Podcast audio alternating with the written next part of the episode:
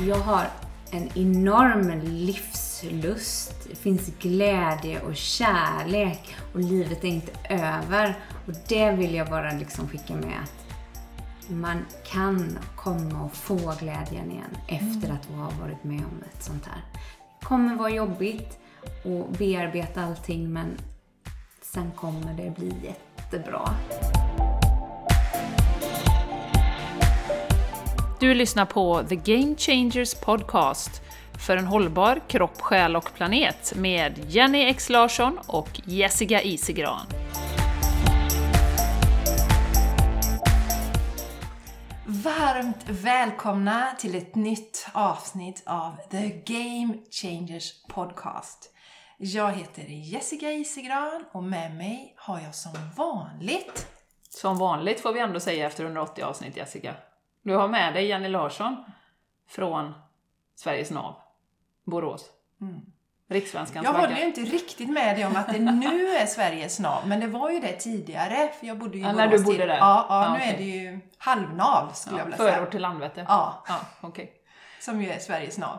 Vi har ju en superspännande gäst med oss idag. Vi har bara lite housekeeping vi måste göra först, innan vi släpper in vår fantastiska gäst.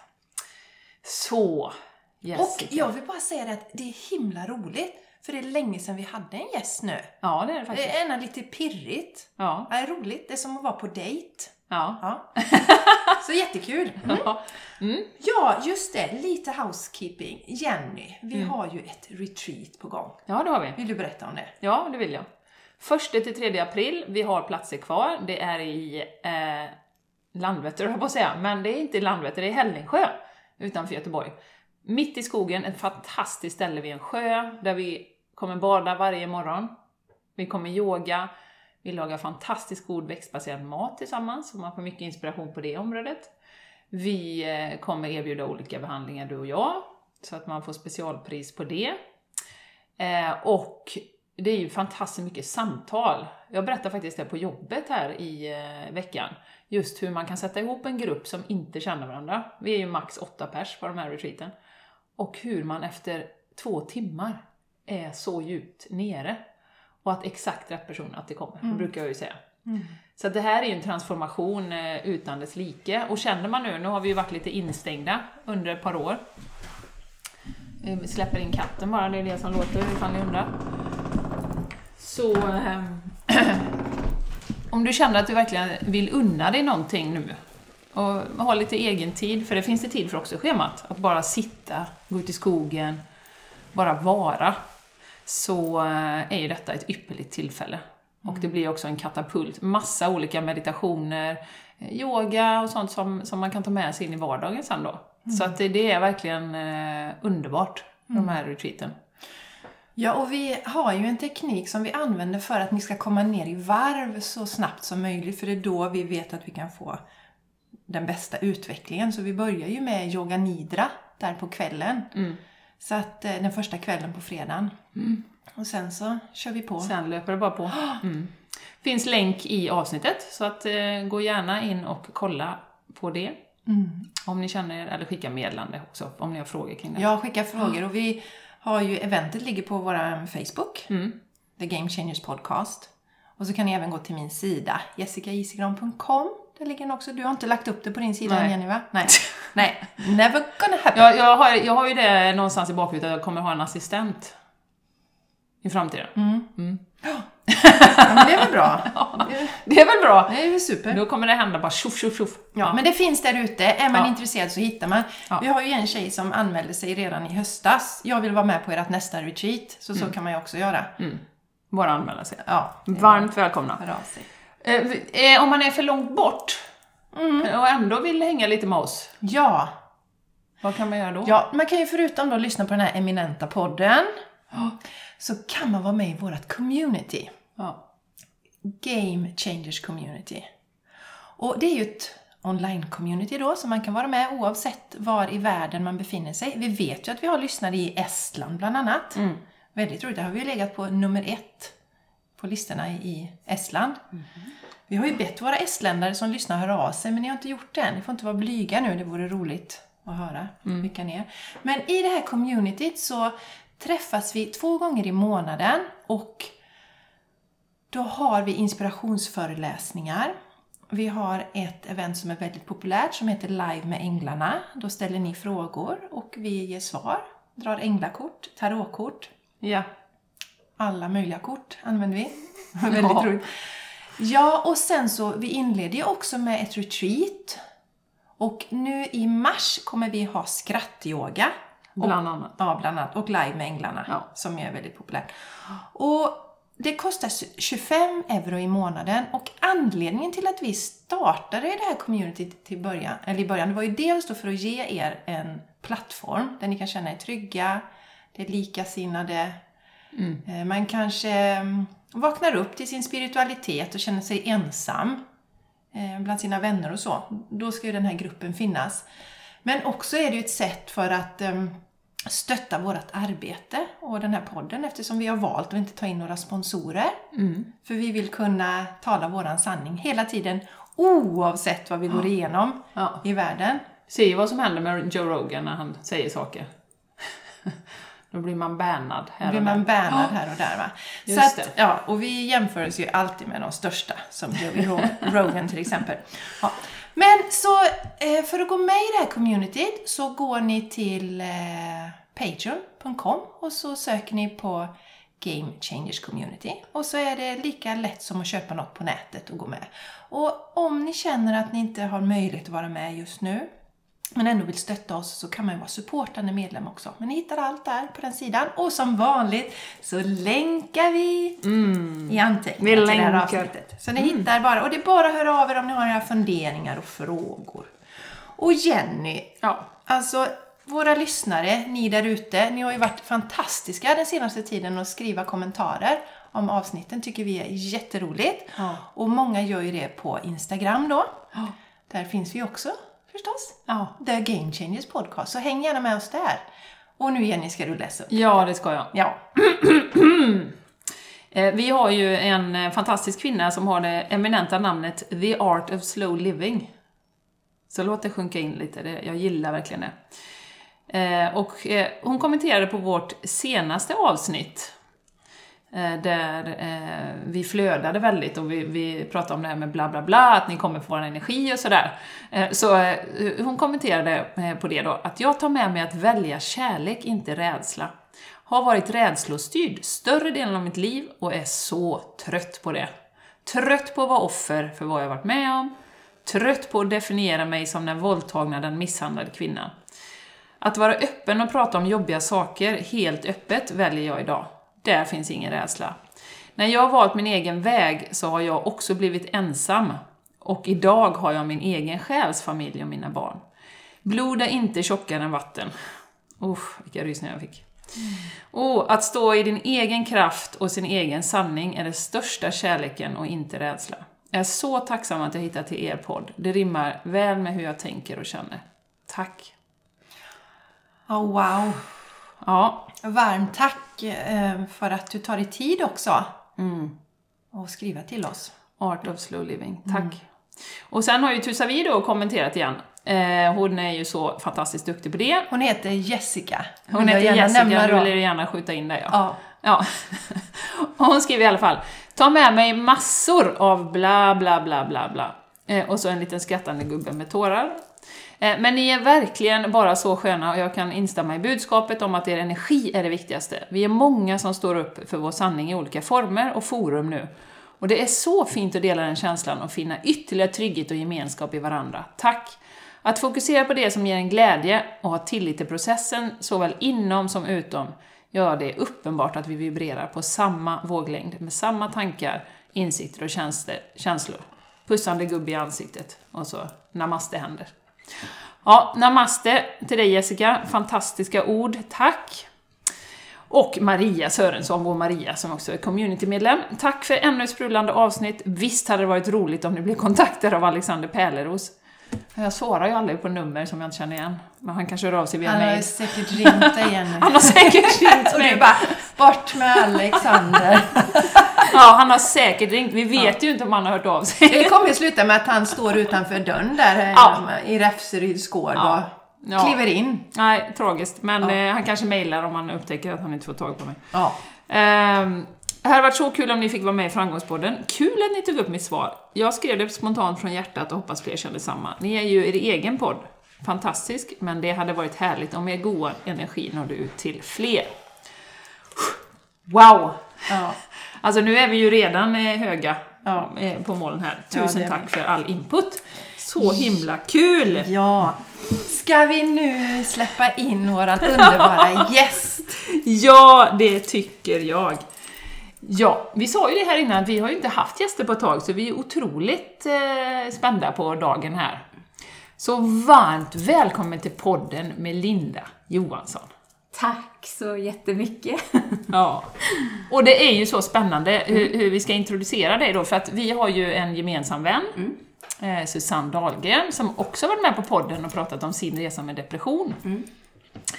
Och eh, hon skickade ett meddelande och eh, tipsade om dig. Och eh, då var det så roligt, jag tänkte ju inleda här med att säga liksom, ja vad har du för relation till podden och hur länge har du lyssnat och sådär. Men det visar sig att du har ju inte lyssnat alls. Nej, men jag väntade till den speciella podden som skulle bli min första podd då. Så det, det får ni ju ta till er då att eh, det är därför ni kommer bli den första podden jag någonsin lyssnar på. Ja, och du inser hur svårt det blir då, för då, ribban blir ju så Ribban blir hög. jättehög. Det blir jättehög och vi känner oss ju inte jätteledsna, vi tycker det är spännande också.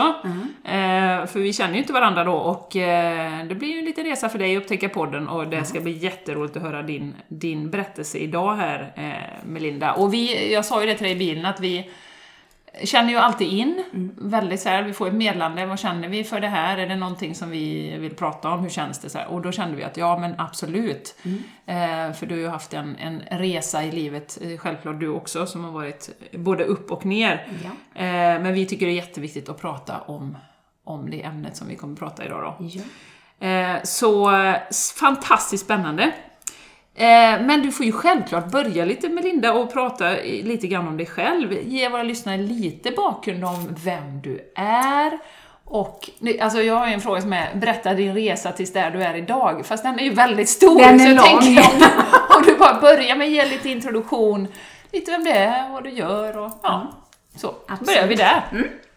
Jo, men jag heter Melinda Johansson och jag eh, är utbildad klassisk homeopat och arbetar även som massör och eh, healer. Eh, och det har jag i Göteborg. Eh, jag har alltid varit intresserad av hälsa, den här djupare läkningen. Så även om jag har jobbat i största delen som anställd så kände jag att nej, det är någonting annat som finns där ute faktiskt. Mm. Ja, så du kör helt eget nu? eller? Nu kör jag helt eget. Jag, jag sa upp mig faktiskt i augusti, i maj. Så i augusti så kör jag helt själv. Och det var eh, jätteskrämmande. jag eh, tog eh, faktiskt hjälp av en coach också så att jag skulle bli väl förberedd liksom att släppa allting och förbereda mig då inför detta. Men nu är jag själv och eh, kör på mitt egna och det känns jättebra.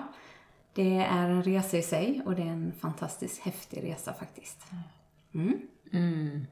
Och det är mycket rädslor man får möta av andra också, inte bara inom sig själv och det är också jätteintressant. Mm, Du menar när man hoppar ut, så att säga? När man hoppar ut så undrar folk, "Åh, men har du tillräckligt med kunder? Har du, eh, hur går det med pengar? Hur går det med det? Hur går det med det?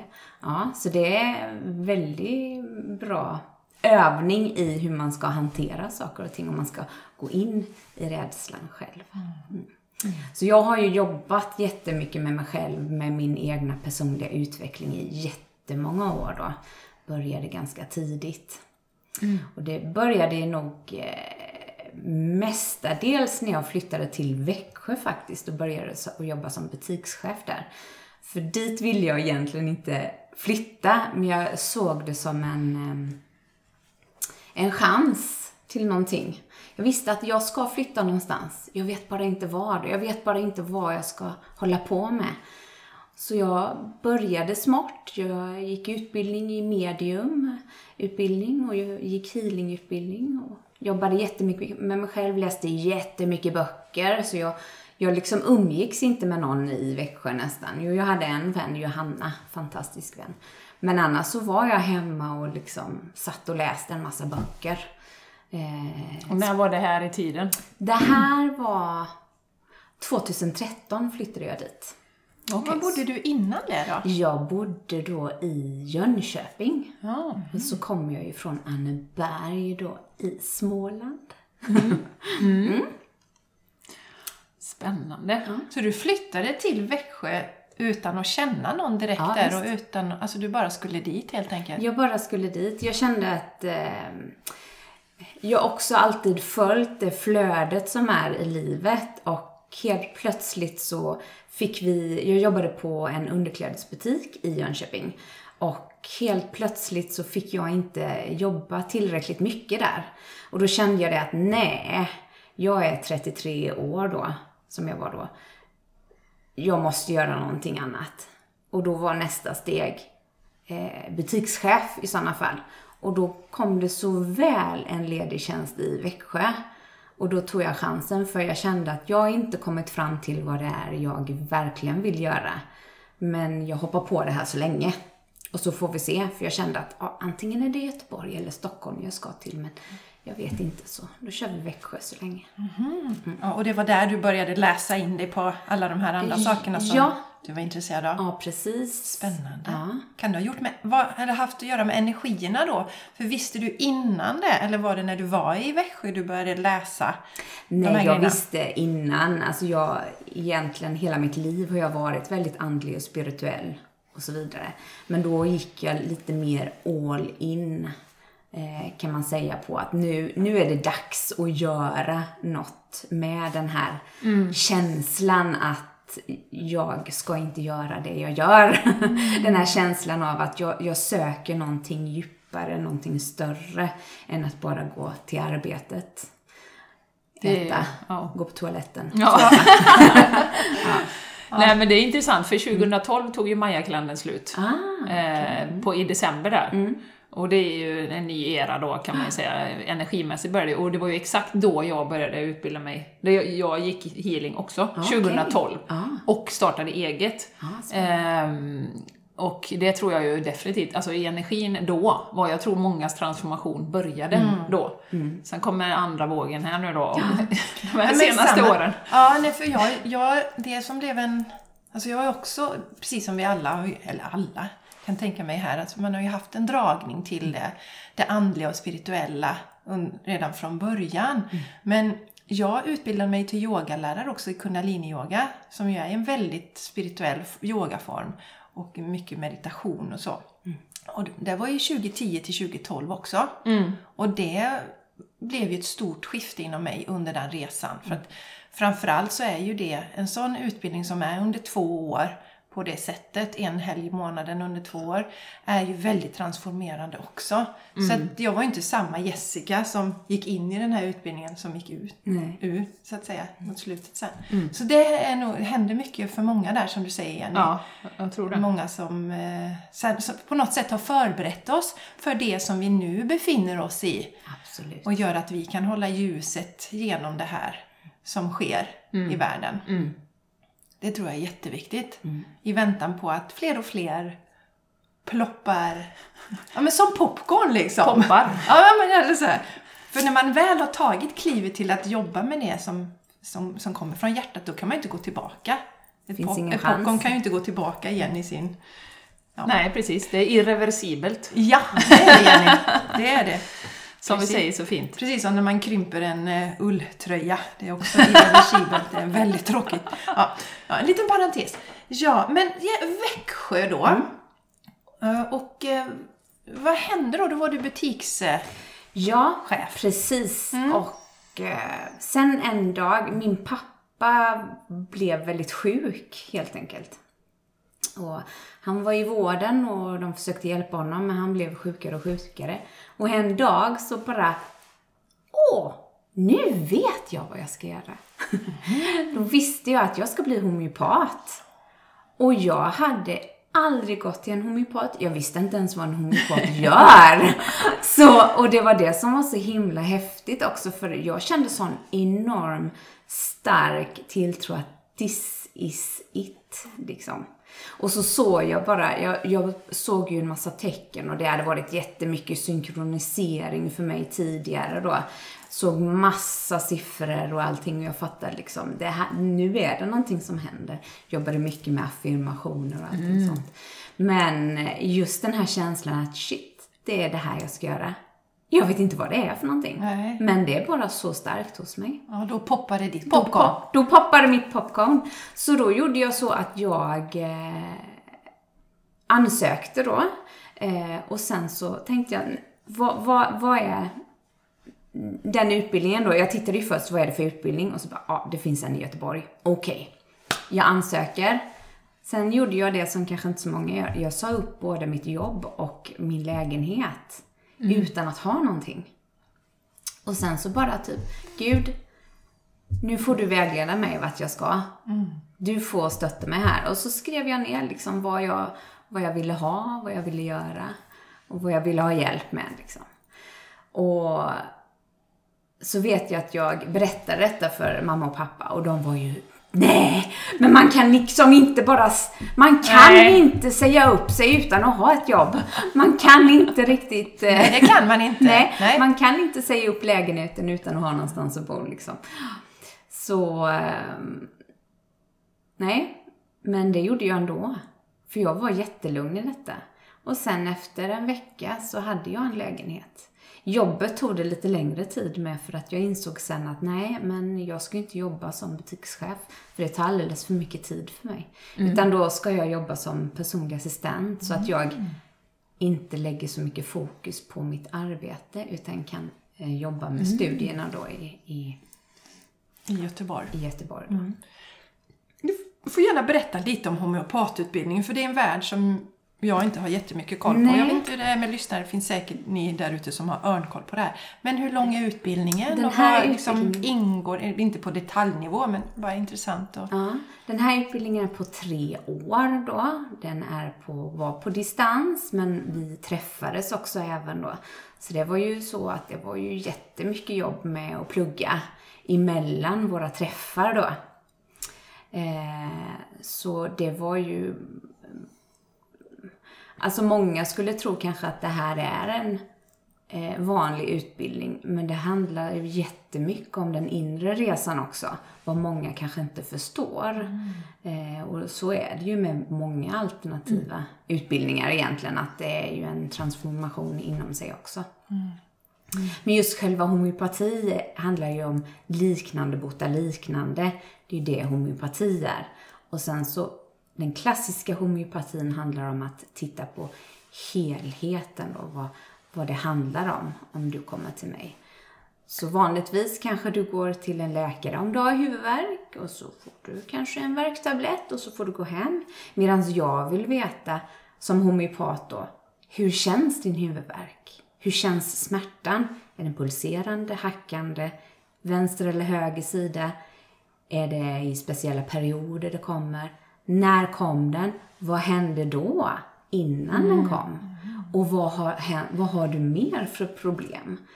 Och vad har hänt innan de problemen? Och hur, vad har du för relation till eh, din familj och vänner och så vidare? Så man tittar verkligen på helheten och ser vad är det det här handlar om? För oftast handlar det inte om att man har ont i huvudet bara. Det handlar om så mycket mer då. Och jag tänker, då har ni lite längre tid med varje, kallar ni det klienter eller patienter eller vad heter Pass- det? ja, patienter patienter. sen. Ja. Ja. Förs- första besöket är alltid längre, Ja. på två timmar då. Ja. Så gör man den här intervjun. Och så fotar man lite ögon också för att se Ja, universumen Ja, där, vad det det säger. är spännande. Och, eh, ja, och sen ger man då ett homeopatiskt läkemedel. Och så får patienten komma på återbesök och så ser man vad har hänt sen sist och har det blivit förbättringar eller försämringar. Och så får man justera lite i, eh, i behandlingen. Mm. Vad, vad har homeopatin sina grunder? Eller liksom var, var kommer det ifrån? Vet du det? Från det, början? Det kommer ju från Samuel Hahnemann då, från Tyskland. på 1800-talet. Ja, okej. Så det är en sån gammal. Mm. Så han var en läkare som såg hur eh, läkarkåren behandlade människor. Det var ju mycket kvicksilver de gav i stora mängder. Så, så folk dog ju väldigt mycket då. Min, min pappa han fick arsenik mot sina finnar i ungdomen. Ja. Herregud. Ja. Ja, det är... Mm. Ja. Mm. Och då, då läste han en bok, för han översatte också böcker och då tyckte han inte den läkaren då hade rätt om en, en ört då som han beskrev. Så då tänkte han, nej men jag är frisk så då provar jag den här örten på sig själv, på mig själv. Och han blev sjuk. Han fick malariasymptom. Och då tänkte han, han var så himla smart den här människan. Alltså fantastiskt. Han måste ha haft riktigt bra connection med Gud, det tror jag. Han tänkte, vad händer om jag ger det här till de som har malaria? Då blev det homeopatin, liknande botar liknande. Man kan enkelt säga det som att när du bränner dig, brukar du ta kallt eller varmt vatten på handen? Kallt har vi fått lära oss Precis. att man ska ta. Ja. Med homeopatin så ska du ta varmt. För när du tar kallt vatten så får du blåsor oftast. Och det tar lång tid innan det läker. Men tar du varmt vatten, ja det ska ju inte vara jättevarmt, men ljummet, Ja. liksom mer åt det varma hållet. Då blir det liksom bara ett litet rött märke och så försvinner det. Wow, vilket överbra tips. Ja. Tack. Ja. Bara det var värt att lyssna på denna podden. Men Ja, gud vad superspännande. spännande. Mm. Jättespännande. Åh, gud vad roligt. Ja. Ha, ja, så då var du nu i Göteborg, du läser till homeopat och du jobbade då som personlig assistent där. Ja. Och då startade jag också mitt företag. Så jag bör, utbildade mig till massör och började ha massagebehandlingar hemma då, för jag hade ju ingen lokal. Och då kände jag att nej, nu är det dags, nu ska jag säga upp mig. Så jag sa upp mig då eh, och skulle satsa på mitt företag. Och det var ju då jag träffade det var ju då jag träffade en man som kom att eh, förändra ganska mycket i mitt liv då. Just det. Det ska vi prata om Ja, lite mer sen. precis. Men jag skulle vilja faktiskt gå tillbaka lite Ja. eh, och prata lite om uppväxten. För vi brukar ju nästan alltid ställa frågor till våra, våra gäster med uppväxten, för det är så intressant hur, hur det har präglat oss. Eh, så jag tänker, kan inte du i dina reflektioner kring din uppväxt och hur det har präglat dig och eh, liksom vad, vad, hur den var, lite grann om det? Ja. Innan vi går vidare framåt, så att säga. Ja. Jo, men eh, jag hade väl som många har en, en rätt tuff uppväxt så. Min pappa han drack ju. Eh, så att eh, det, jag hade två syskon, äldre syskon, men det var mer jag som fick ta hand om det kan man väl säga. Och det gjorde ju att jag blev ju ganska så eh, mån om att känna in eh, min omgivning istället. Så då inte utvecklade jag, för jag tror att vi alla har den förmågan, men jag kanske eh, Ehm, fick en bättre utveckling på min förmåga i alla fall, att känna av andra människors känslor då. Och i skolan var jag ganska mycket mobbad också. Ehm, förmodligen för att jag inte riktigt hängde med på allas eh, vad de populära människorna gjorde då. Mm. Utan jag ifrågasatte mig, eh, ifrågasatte dem och såg också att de kanske inte var så snälla egentligen. För du var ganska spirituell och andlig, eller vad man säger, redan när du Ja. var barn. Fast du förstod inte det. Nej, precis. Så var det ju. Jag kä- kände ju oftast en massa saker i vårt hus och sådär. Och Hur påverkar det dig då? vad menar du? Nej, men jag tänker, hur, hur eh, kunde du förstå det, eller tyckte du bara det var konstigt, eller sköt du bort det? Eller? Nej, jag skulle nog aldrig säga att jag tyckte det var helt naturligt. Så, så jag själv liksom aldrig reflekterat över detta. Det var faktiskt när jag kom till en utbildning där man skulle lära sig att prata med änglar. För då trodde jag att liksom man skulle bara få höra Hallå Melinda! Här är Gud som pratar med dig, eller ärkeängeln Mikael. men det var ju inte alls så det var, utan jag insåg ju att men, jag har hela livet haft änglar och Gud som har pratat till mig. Fast kanske inte genom ord, utan mer att jag har bara vetat saker. Jag har vetat saker direkt, liksom jättesnabbt så. Ja, vi, vi har ju pratat mycket om det på podden att eh, i och med att vi inte pratar om de här sakerna, vi får inte lära oss det när vi växer upp, det är hysch-hysch och så.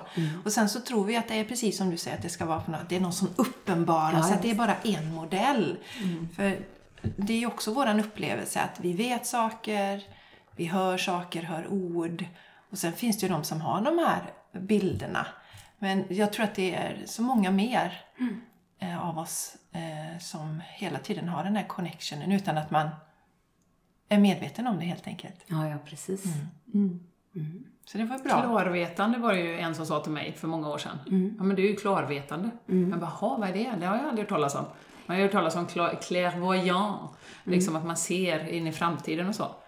Eh, Men det stämmer väl överens med hur jag känner, att jag bara vet vad som är rätt eller fel. Och det behövs inte någon lång analys, utan man bara känner ju det.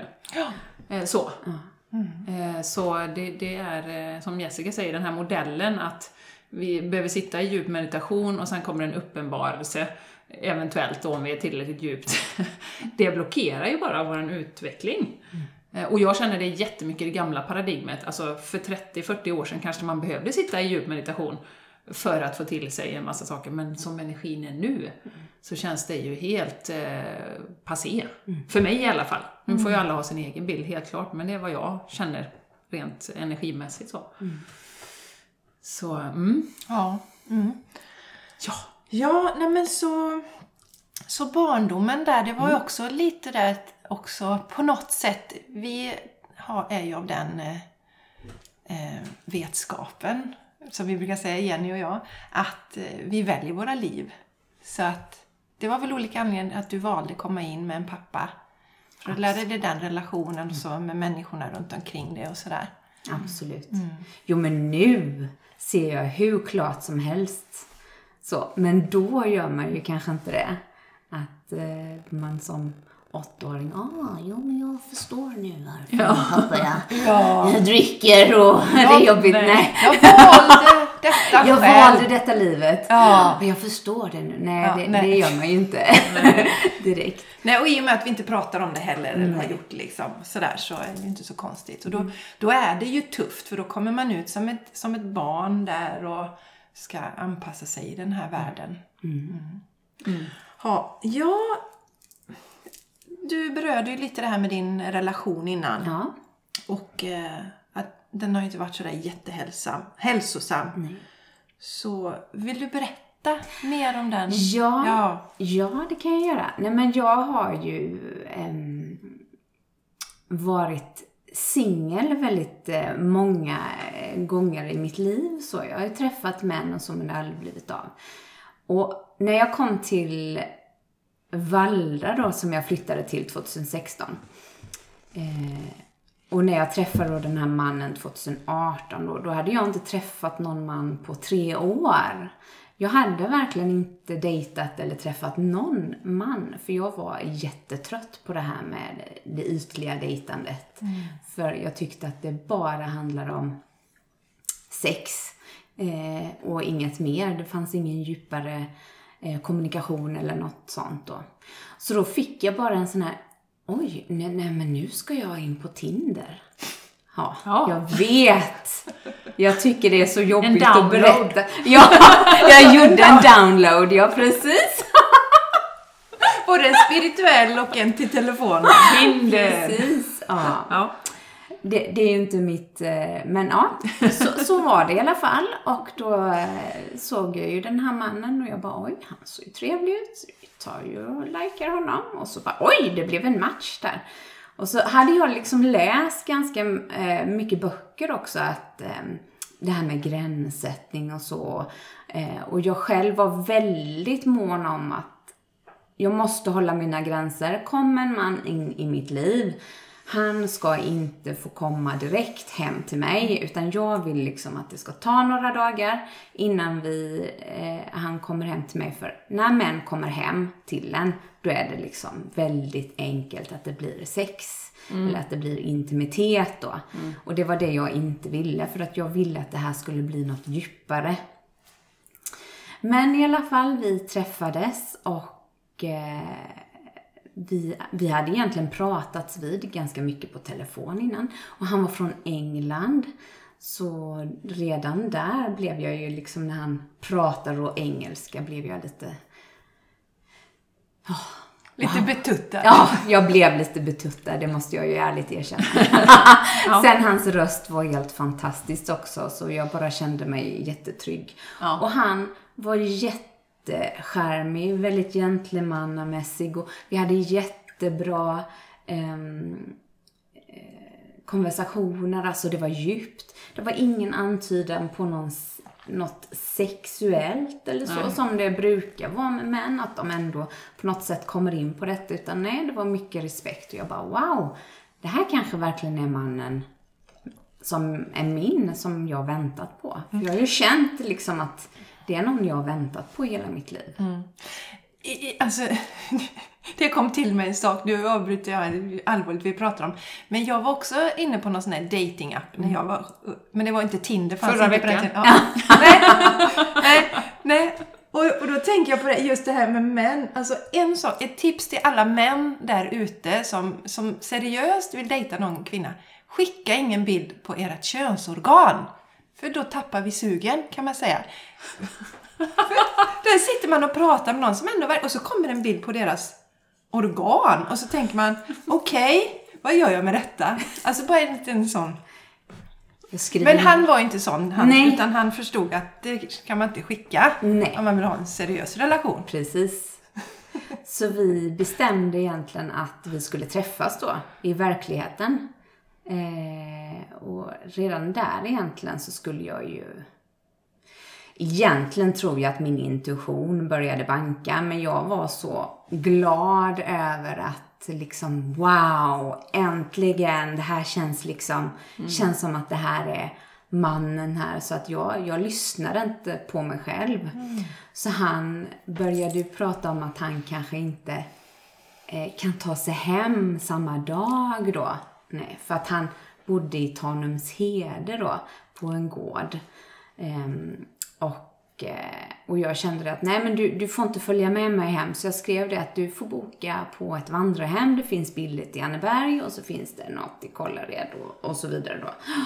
Ja visst, ja visst, det skulle han göra då. Och då kände jag att, ja, men då har jag ändå sagt det och kände mig trygg med det. Men när vi träffades så var, hade han ju inte bokat. Ehm, så tyvärr eh, gick han över mina gränser där. Och han, han liksom bara, "Ja, men det är ingen som svarar och jag har försökt, så kan jag inte få följa med dig hem. Och där blev det att jag är så himla empatisk människa.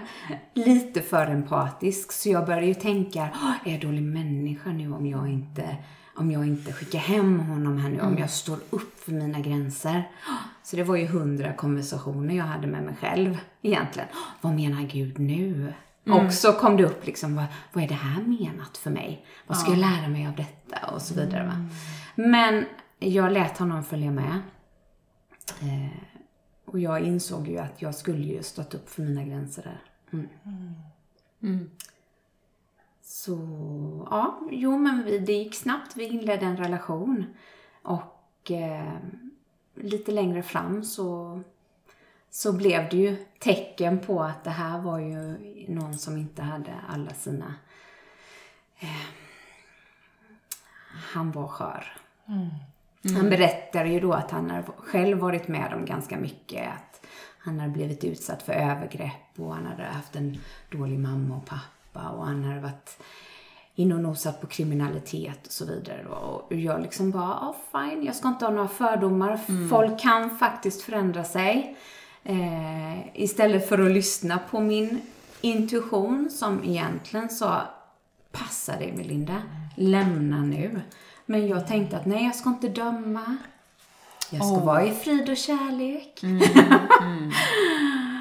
Som, som man, det är lätt att man gör då istället. Och han berättade ju mer och mer då. Ja, det är en sån viktig grej att du nämner det här. Så Det är viktigt att vi inte blandar ihop det här med att vara i frid och kärlek är inte detsamma som att vi inte sätter gränser. Precis. Och jag menar, det är lätt att sitta och säga, men, men var medvetna om det. Att vi, vi behöver sätta gränser, för det kan ju bli sådana missförstånd. Men nu är jag spirituell och så, då får alla köra över mig och trampa på mig och sådär. Det är ju inte det, utan vi behöver ju fortsätta sätta gränser.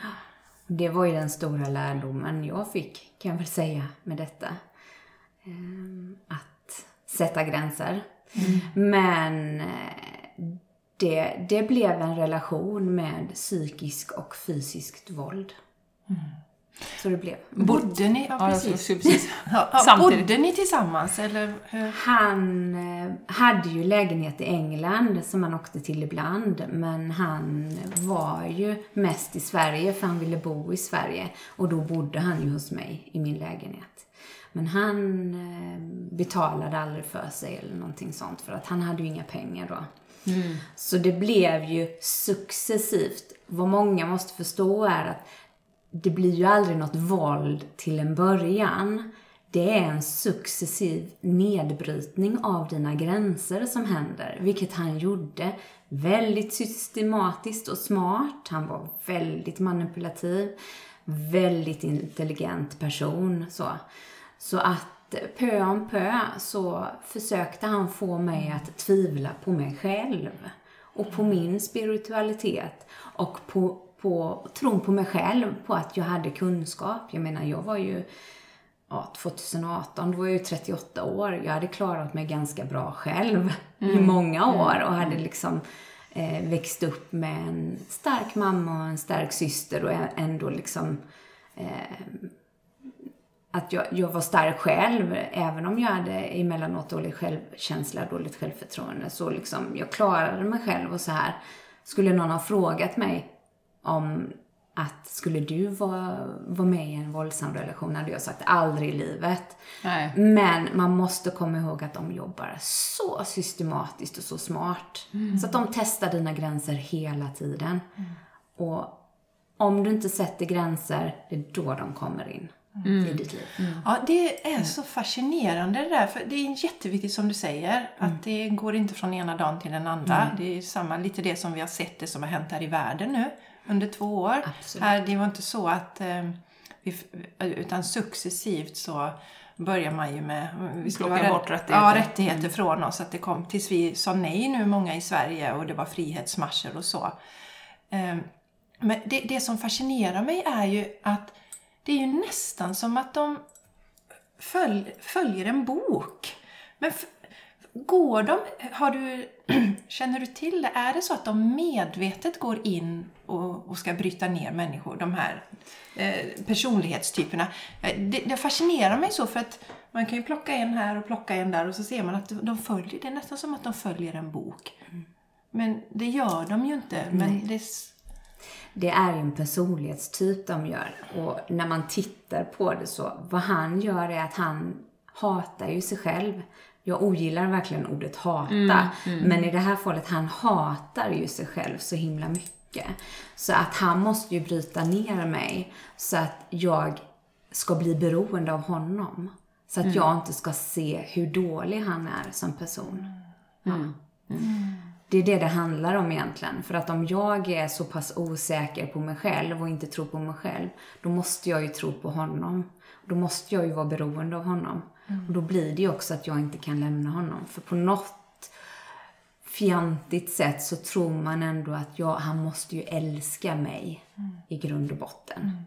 Ja, det är ju inte fjantigt. Och, alltså, du är ju inte den första starka kvinnan som råkar ut för det här. Och det är jättebra att man, man är medveten om det. Så att man kan se de tidiga tecknen. Men när du ser tillbaka på det så inser du att du, han testade ju dig redan där i början. Att, Jajamän. ja men okej, jag, jag bor över hos dig. Så hade du satt upp nej där, då kanske han hade... då kanske- Avbrytat, avbrytit relationer redan där. Absolut. Och det är det jag tycker är så himla viktigt att nå ut.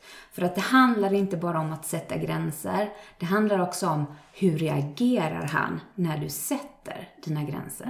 Det är jätteviktigt att se. För att vi idag, kvinnor speciellt, det finns också män som blir slagna och misshandlade av si- sina respektive, så det får vi inte glömma heller. Eh, Det är jätteviktigt att ehm, eh, förstå det här att säger du nej så måste du också titta på hur personen reagerar. Kan inte han ta ditt nej, då ska du lämna omedelbart. Kan inte du ta något konkret Ja, exakt. exempel? Till exempel Där. att Så att vi eh, förstår 100%. jag säger så här, nej, jag vill inte att du kommer hem till mig. Okej. Det är helt okej. Vi kan träffas en annan gång. Eller att, ja men kom igen. Kan, vi, kan inte, jag har liksom inte möjlighet att eh, åka hem. Kan inte jag få bo hos dig ändå? Liksom? Att han inte respekterar mitt nej. Det är jätteviktigt att fortsätta stå upp för det. Så man inte liksom tappar sin gräns. För redan Nu där, var det kanske ett dåligt eh, exempel, men redan där börjar du bryta ner. redan där börjar han bryta Ja, precis. ner. Han bryter ner. Mm. Och hur kunde det se ut? Alltså, du sa att han, han bryt, bröt ner dig mentalt eh, och även fysiskt våld. Hur kunde, alltså, det mentala, att få dig att tvivla på dig själv. Kan du berätta lite hur det såg ut liksom, i, i Ja, men verkligheten? han eh, sa ju det att han, han hade växt upp i en familj som gick till kyrkan. Så, så han hade koll på liksom det här med religion och andlighet och sådär. Så de, du måste ju be till Gud, du måste bara be till Jesus. Allting annat är liksom, det är demoniskt och du har demoner på dig. Han började se väldigt mycket mörker, väldigt mycket demoner och allting handlar om mig då. Och jag bara, vad konstigt för jag är bara ljus och kärlek och jag har arbetat så mycket med mig själv. Eh, men han, det var så. Och han kunde liksom säga att, ja men det här med homeopatin, det är ju liksom bara, eh, det hjälper ju inte. Du har ju ingen koll, du kan ju inte det här. Det är ju liksom, det är bara bluff och båg. Ehm, och då tvivla på mig själv.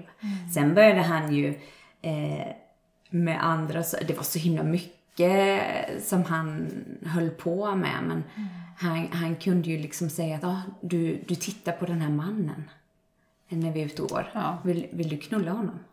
Mm. Ursäkta ordvalet, men Ja. det, det var verkligen så. Och man bara, nej, jag, jag tittar honom i ögonen för att jag vill se människor. Jag möter alltid folks ögon. Ja. För att det är ett tecken på att jag ser dem och de ser mig. Men han trodde att jag skulle vilja vara intim med dem. Mm. Så att det gjorde att jag började ju inte titta folk i ögonen. Jag sänkte blicken för att jag orkade ju inte ha den här ehm, ehm, ilskan som det blev. För det blev en enorm ilska Mm. eh, hos honom då, som jag märkte. Och i och med att jag är känslig för andra människors energier så blev det övermäktigt för mig att få känna den ilskan han uttryckte då. Ja, och sen eh, har jag förstått också så kan det ju vara det här med att Ja, men varför gör du dig snygg när du ska ut? Då blir de arga på det också. Så slutar man att sminka sig och bryr sig inte om vad man sätter på sig. Så att man blir, kanske från att ha stått där och varit en levande person med utstrålning, så är man en grå mus. Ja, Hur gick det med det? han sa ju att han tyckte jag var väldigt vacker när jag inte hade så mycket smink. Absolut, så jag sminkade mig mindre och så kände jag mig också bekväm. Jag tycker det är, det är fint att vara osminkad också och känna mig bekväm med det med honom. Men då kunde han också, men varför sminkar du dig inte för? För mig? Nej. Då vände han det till att jag brydde mig inte om honom. Mm. Att jag inte liksom gjorde mig fin för honom. Ja. Så- Men om jag till exempel skulle åka då till homeopatiutbildningen så sminkade jag mig kanske lite extra. Då var det, varför sminkar du dig så extra? Ska du träffa en man? Mm. Nej, jag vill göra mig fin för att jag känner mig trött. För att jag, jag kände mig ju det var ju inte bara att han försökte bryta ner mig så han bröt ju ner mig genom att jag inte fick sova heller. Han skulle ju bestämma när jag skulle sova. Men herregud! vad- Hur, hur såg det ut då? Det var så här att när jag till exempel skulle gå och lägga, jag ville gå och lägga mig för att jag skulle upp och jobba. Och då liksom bara, då, då blev han arg på mig. Ha, så att du liksom ska lämna mig här uppe. Bara för att du ska gå och lägga dig. Nej, det ska jag inte. Och då, då, då blev han så arg så det följde av timtals med diskussioner från hans sida Oj. att jag är en dålig människa och det här med att jag inte respekterade honom. För att han kom ju från England och han hade inga vänner och skulle han då sitta uppe själv herregud, medan jag gick och la mig. Mm. Och, och tycker inte jag om honom tillräckligt och vill umgås med honom. Så han försökte ju få spela på mitt dåliga samvete då också. Oj, oj, oj, oj, oj. Och hur tänkte du då? Alltså, hur, för hur lång var relationen i, totalt? Hur Vi länge? var tillsammans i lite mer än ett år. Ja. Mm. Och eh, när, liksom, jag, för jag förstår han har utsatt dig för fysiskt våld också. Absolut. Ja. När övergick det, eller när började det under den här relationen? Började det tidigt eller kom det bara det liksom? kom ganska snart efter han började misshandla mig psykiskt. Faktiskt. Mm. Så det gjorde. Men det var ju så att när det hade, jag hela tiden ifrågasatte och bad till Gud och be om hjälp att ge mig vägledning nu, snälla. Men jag kände ju att jag inte fick det. Och självklart fick jag inte det. Jag var ju så pass rädd. Så då har jag ju inte kontakt med Gud heller och kunde höra och se och känna.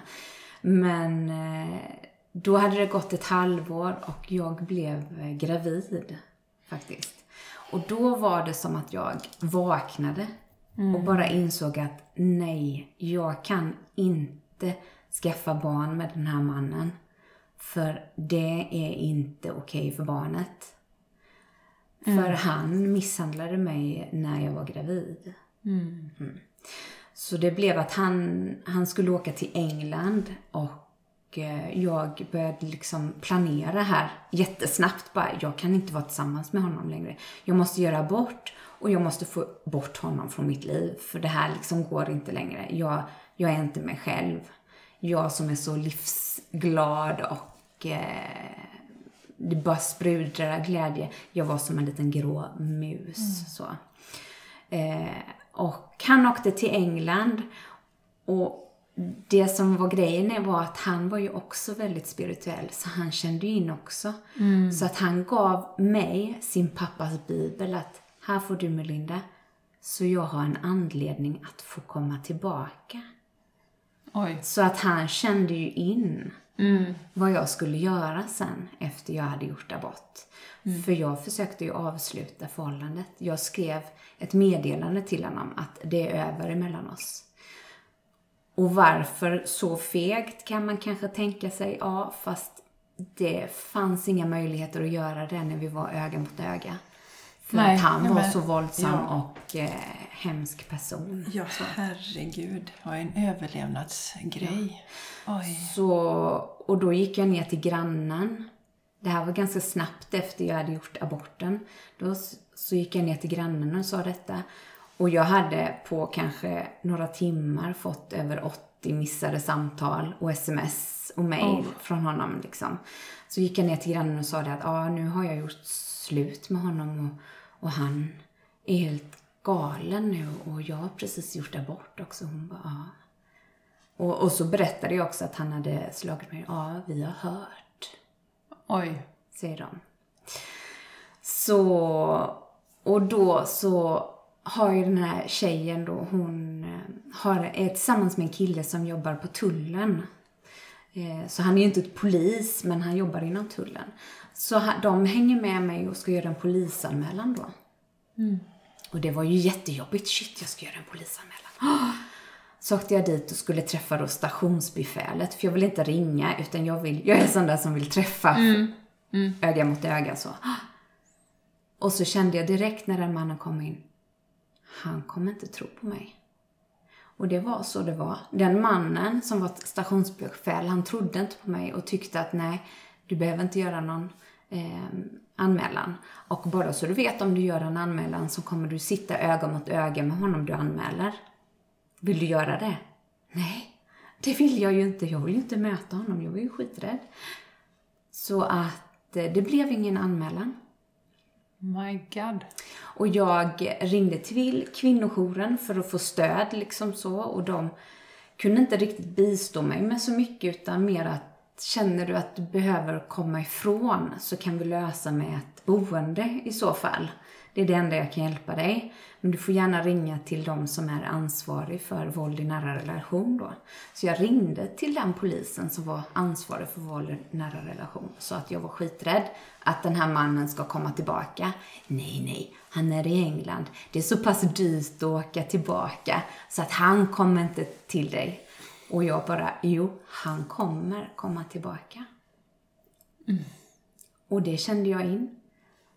Och jag var så lurig att jag loggade in på hans flygbolag där han bokade sina flygresor en dag. Jag bara fick en ingivelse att jag ska göra det nu. Och så såg jag, nu har han bokat resa. Mm. Och då gjorde jag så att jag ska, jag ska banne mig möta detta. Jag ska inte vara på jobbet och komma hem och mötas abrupt. Utan jag ska, med, jag ska vara hemma. Så jag tog ledigt från jobbet. Jag eh, fick hjälp att sätta dit såna här haspar på dörren liksom. Och sen inväntade när han kom. Mm. Och vad hände då? då? Ja, tyvärr var jag väldigt svag för att min pappa hade ju blivit mycket, mycket sämre. Och eh, ja, på något sätt, jag liksom... Jag trodde ju ändå att han var den stora kärleken.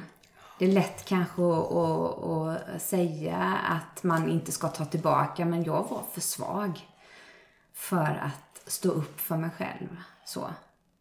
Och han var så himla duktig på att eh, eh, få mig att tro att han hade förändrats då. Mm. Så jag tog tillbaka honom och han hade lovat att han hade förändrats. Och jag tyckte också att jag kände en förändring i hans energier också. Att han var lugnare och så. Men eh, sen började det mer och mer igen. Mm. Psykiska misshandeln och, och våldet då. Mm. Mm. Så då blev det att han tyckte att vi, den här lägenheten är alldeles för liten.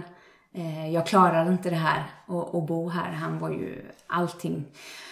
Ja, det finns så mycket att berätta så det är så svårt att berätta så här kort. Men han, han, kunde liksom bli arg för att det var för mycket möbler till exempel. Eller han kunde bli arg för att det var skitigt på golvet. Och mm. han kunde bli arg för att det var mattor på golvet. Och när det är, för li, det är för litet här, vi behöver bo i ett hus. Och jag då försökte ju bara, ja visst, jag vill inte ha någon eh, ilska här och så absolut, ja, vi letar efter lägenhet eller ett hus då. Och helt plötsligt så kom det så lägligt ett hus som vi då fick hyra. Men då blev ju min eh, lägenhet inte uthyrd i tid så jag fick ju betala två hyror plus då hyran på en lokal för jag hade också skaffat en lokal då samtidigt. Och det fick du ta allt för han hade ju inga pengar Han va? hade inga pengar och han ville inte hjälpa mig för att det var mitt fel att jag hade dubbla hyror då. För att hade han fått styra det hela så hade han gjort det mycket bättre. Mm. Eh, sen vill jag också bara inflika att eh, han började ju säga, jag, eftersom jag inte fick sova så himla mycket. Man märker ju fysiskt också och psykiskt när man är stressad. Så jag började tappa balansen. Eh, jag började inte höra heller vad han sa. Eh, jag tappade minnet också. Så att han, jag åkte faktiskt och kollade mina öron. Jag hade ingen fel på hörseln. Mm. Mm -hmm. Stress, sa de. Liksom. Mm. Och också eh, jag vet Louise Hay skriver ju så bra i sin bok. Har du läst ja. Louise Hay? Just med hörseln, det är att man inte vill höra mer, ja. så man stänger av det. Och vem vill höra hans otrevliga ord hela tiden? Precis. Oj, oj, oj. Ja. ja. Men jag, bara, jag tänker på, på barn. Visste han om att du var gravid? Ja, det visste han. Han visste det? Absolut. Så att han, det första han frågade mig, har du blivit gravid någon gång med någon annan man? Eh, nej, det har jag inte. Nej, det var det första han frågade mig. Ah. För att då hade jag ju varit ännu mer en slamp än vad jag var då. Men eh, han vill, vi pratade ju om det och han sa ju det själv att ja, jag har ju inget jobb och jag kan ju inte försörja. Ja, men vi kan liksom inte ha det här barnet. Det är inte optimalt. Men då fick han det på mig att ja, men jag klarar ju inte av en, en, en abort liksom så. Det väcker så mycket känslor och jag bara fast Ja. det måste bli. Men han försökte ju få mig att inte göra det då. Men det var ju ändå häftigt att du hade Ja, att du gjorde det. Att du inte satte barnet till världen. Så nej. någonstans hade du ju din styrka kvar Absolut. inom dig. För jag tänkte också att med den rädslan jag hade i mig, det hade inte skapat något bra barn. Nej. Eh, man vet inte, det, det spelar så mycket roll hur mamman mår när man bär barnet. Och det kände jag så starkt att nej, jag kan, jag kan liksom inte bära ett barn i den här rädslan jag är i. Och få ett välskapt barn. Eh, emotionellt och mentalt då. Och vad, då, då är du ju tillbaka då ni har ett hus och så. Vad, vad var det som hände sen då? Hur lyckades du liksom ta dig ur och vad var det som, som Ja, skedde sen? Ja, det skedde två försök till flykt egentligen. Första gången så var det att jag jobbade, jag var på min homeopatiutbildning och det var Lucia och jag hade kommit hem eh, och han hade lovat att han skulle laga mat och jag hade känt på tåget att det här kommer inte bli en bra dag. Det här Nej. kommer inte bli något bra möte. Och men när jag kom hem så hade han ju såklart inte lagat mat och jag, jag började ju märka att jag blev irriterad. För att nu, nu började min inre kvinna, min inre krigare började liksom knacka på mig liksom att kom igen nu, förstå. Eh, men då, och då var jag lite irriterad. Men, men han var så arg så att han fick mig att liksom be om ursäkt för att jag var irriterad. Och han sa att jag kom med massa demoner för att Lucia då är en demon. För att han har ju då kollat upp på nätet att Lucia är inte alls något helgon och så vidare. Så vi har liksom hållit på med djävulsdyrkan då när vi Oj. firar eh, Lucia. Mm, Och, eh, och han får ett utbrott på mig. Eh, så att jag, jag tror verkligen att jag eh, inte ska överleva natten alltså. Eh, och jag känner att jag, jag kan inte ringa till polisen. För att han var så instabil. Så att han fick mig att gå ut och be till Gud om förlåtelse. Där fick jag stå på gatan. Och han gick runt i hela huset och bad alla demoner då att försvinna ur alla rum då för att han menade på att jag hade fört hem en massa då. Och så sa han det, kommer du fly så kommer jag efter dig och jag kommer bränna ner allt. Jag kommer bränna ner huset och jag kommer bränna ner alla grannar och allting liksom så. Jag skyr inga medel. Så en döds eh, hot hade han ju kommit med under hela vår eh, relation egentligen. Eh, men jag bara, ja visst. Och så helgen efter, då den 18, 19, så hade vi varit i Kungsbacka. Och så är vi på väg hem då till det här huset. Och han, jag inser att jag, han skulle åka iväg för att han hade börjat träna MMA då. Som jag då fick betala. Ja. Precis. Ehm, och eh, då fick jag bara, jag insåg att jag kommer ju aldrig vara, det är första gången jag är ensam i det här huset själv. För att han var så tight på mig hela tiden. Han skulle vara vid mig hela tiden när jag inte jobbar eller så. Vi skulle vara liksom supertajta. Och, ehm, och han liksom bara, det är du som är liksom, gör att jag blir så arg.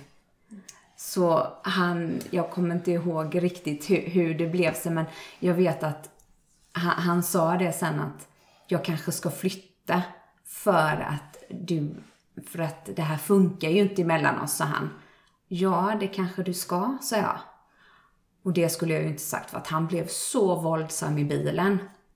Och där åkte vi i 80 km i timmen eller vad det var och han blev våldsam i bilen. Och jag Vad tänkte- gör han? Bara slår dig? han liksom drar tag i mitt hår och där ligger jag liksom ner och han håller tag i det och bara liksom ruskar i mitt huvud medan han kör. Och jag tänk, och sen så, och jag försöker behålla lugnet och bara släpp mig. Så till slut släpper han mig. Och så tänker jag, nej jag kan inte hoppa ut för då kommer jag skada mig kanske och han kommer efter mig. Så det bästa för mig är att sitta kvar. Och han eh, liksom säger ju att det, allting är mitt fel, att han blir så arg är mitt fel då. Och så åker vi till huset och så inser jag det att det är ingen som vet var jag bor. För alla mina vänner, alla, alla människor runt omkring mig har liksom successivt tagit avstånd från mig. Mm. Så. Och det var ju egentligen han som hjälpte till i den biten. Så. Eh, och han är jättevåldsam. Eh, och så kommer vi till huset och så ska han åka iväg på MMA. Och så ska han komma tillbaka och så ska jag laga mat. Ja, visst. Under tiden han är på det där MMA. Och jag är helt förstörd liksom så. Jag är jättetrött. Och då kommer han tillbaka och han är liksom jättearg för att jag inte har gjort mig fin. Att jag inte har duschat utan jag är liksom äcklig, slampig. Usch, och det ska han, vill han liksom vara intim med mig. Och så försöker han vara intim med mig men jag har ju varit med om att han har varit våldsam så jag är inte så pass... Vi kvinnor är ju väldigt emotionella. Att ibland så går det inte att vara intim. och det gick det inte och då, då blev han jättearg. Och då följdes det av flera timmars konversation att jag eh, inte ska bullshitta honom för att han vet när jag ljuger. Och Eh, kommer jag göra det ännu mer så vet han inte vad som kommer hända med mig. Och, och så vidare. Va? Och så bara kommer jag ihåg att jag tittar på klockan. För jag skulle ha en massagekund dagen efter. Så jag skulle, hade ställt klockan för att gå upp tidigt. Tittar jag på klockan och klockan var väl typ halv två på natten. Och vi hade haft vår konversation i flera timmar. Och så säger han det. Är du, är du stressad nu? Jag bara, ja det är jag. Men du är så patetisk att du bara tittar på klockan hela tiden. Att du ska gå och lägga dig. Du är så patetisk. Och så frågade jag honom, vad behöver du? Ja, och då berättade han vad han behövde. Han behövde liksom eh, att vi renoverar ett rum så att han kan hålla på med sin musik då. För att han ska ju bli en jättestor artist för att alla ser honom. Och han är jätteduktig och allting då. Men han frågar aldrig vad jag be- behöver. Och där fick jag, vilket är jättehemskt, eh, gå med på att vara intim med honom. Bara för att jag ska kunna sova. Ja. Och där och då bestämmer jag mig. Nej, Melinda, säger jag till mig själv. Det här går fasen inte. Jag måste fly. Shit, jag måste fly. Så jag låg hela natten och planerade vad jag skulle ta med mig. Jag måste ta extra nycklarna till mitt eh, ehm, till min lokal. Jag vill gärna ha med mig några böcker homeopati, så ifall han bränner ner hela huset. Jag vill ha mina, mitt smink och det då. Så jag packade, och min dator vill jag ju också ha med mig. Så jag packade och så bara, ah, jag ska ta med mig lite träningskläder så att jag kan säga att jag ska träna efteråt. Om han ser mig då. Så att jag liksom smyger runt där på morgonen. Jag är så otroligt nervös för att han ska vakna. Och jag var otroligt nervös under natten att han skulle vakna och förstå vad jag planerade. För att han kände av mig väldigt bra ändå. Men jag bara pussade honom hej då. Sen på morgonen, eh, jag ska träna efteråt. Eh, och så säger han någonting, jag kommer inte riktigt ihåg. Och så tar jag med mig alla mina grejer och så tar jag också extra nyckeln till bilen. För jag tänker att han ska inte få ta min bil om han hittar den. Så jag är så smart att jag tar den extra nyckeln och tar med mig. Och så åker jag och så bara, shit, jag kom iväg. Åh, herre min tid. Så då ringde jag till min gamla granne då som hade bott under mig, hon med tullpolisen. Och sa det att jag har lämnat honom. Kan jag få bo? Kan jag få komma? Ja visst, det kan du göra. Och sen så följde de med mig och gjorde en polisanmälan. Och då var det en, en kvinnlig där. Och hon var helt fantastisk. Och man såg, hon, hon var helt... Man såg inte på henne någonting, hon var väldigt professionell. Fast jag såg ju att hon bara typ skulle göra allt för att få en så bra polisanmälan som möjligt då. Och sen fick jag åka in och bo på ett skyddat boende då. Sen så... Det här var över julen då. Samtidigt, det var, här var det 19. Den 24 tror jag det är, så dör en kvinna i Kungsbacka på grund av att eh, hennes, av hennes man. Som hon, de har varit, hon har varit i en våldsam relation med den här mannen. Och han åker hem och dödar henne då. Så att polisen är på tå. Vilket jag är väldigt tacksam över. Så att de, de häktar honom den 25 december. Åker de och häktar honom. Och sen så blev det ehm, det blev rättegång också efter. Och dom. Ja, då känns det ju som, man, alltså man tittar ju från ett högre perspektiv, då var det ju verkligen i divine timing. Första gången, då var inte allting på plats. Och nu bara det... Allting var på plats. Ja. Allting var på plats. Och jag, bara, jag kände också verkligen det här med alla polisen, rättsväsendet, allt. Jag fick en advokat, liksom då, eller målsägande beträde som det heter. Och alla var liksom bara med mig. De skulle hjälpa mig eh, i det här. Och domaren i rätten, han var liksom, han såg ju direkt på den här mannen att det här är inte en bra man. Och advokaten sa ju det, Melinda, det här är en psykopat, det är en riktigt farlig man. Jag har jobbat med det här i 40 år. Väldigt få farliga män jag har sett, men det här är en riktigt farlig. Så kommer han efter dig, spring. Lova mig det, sa han.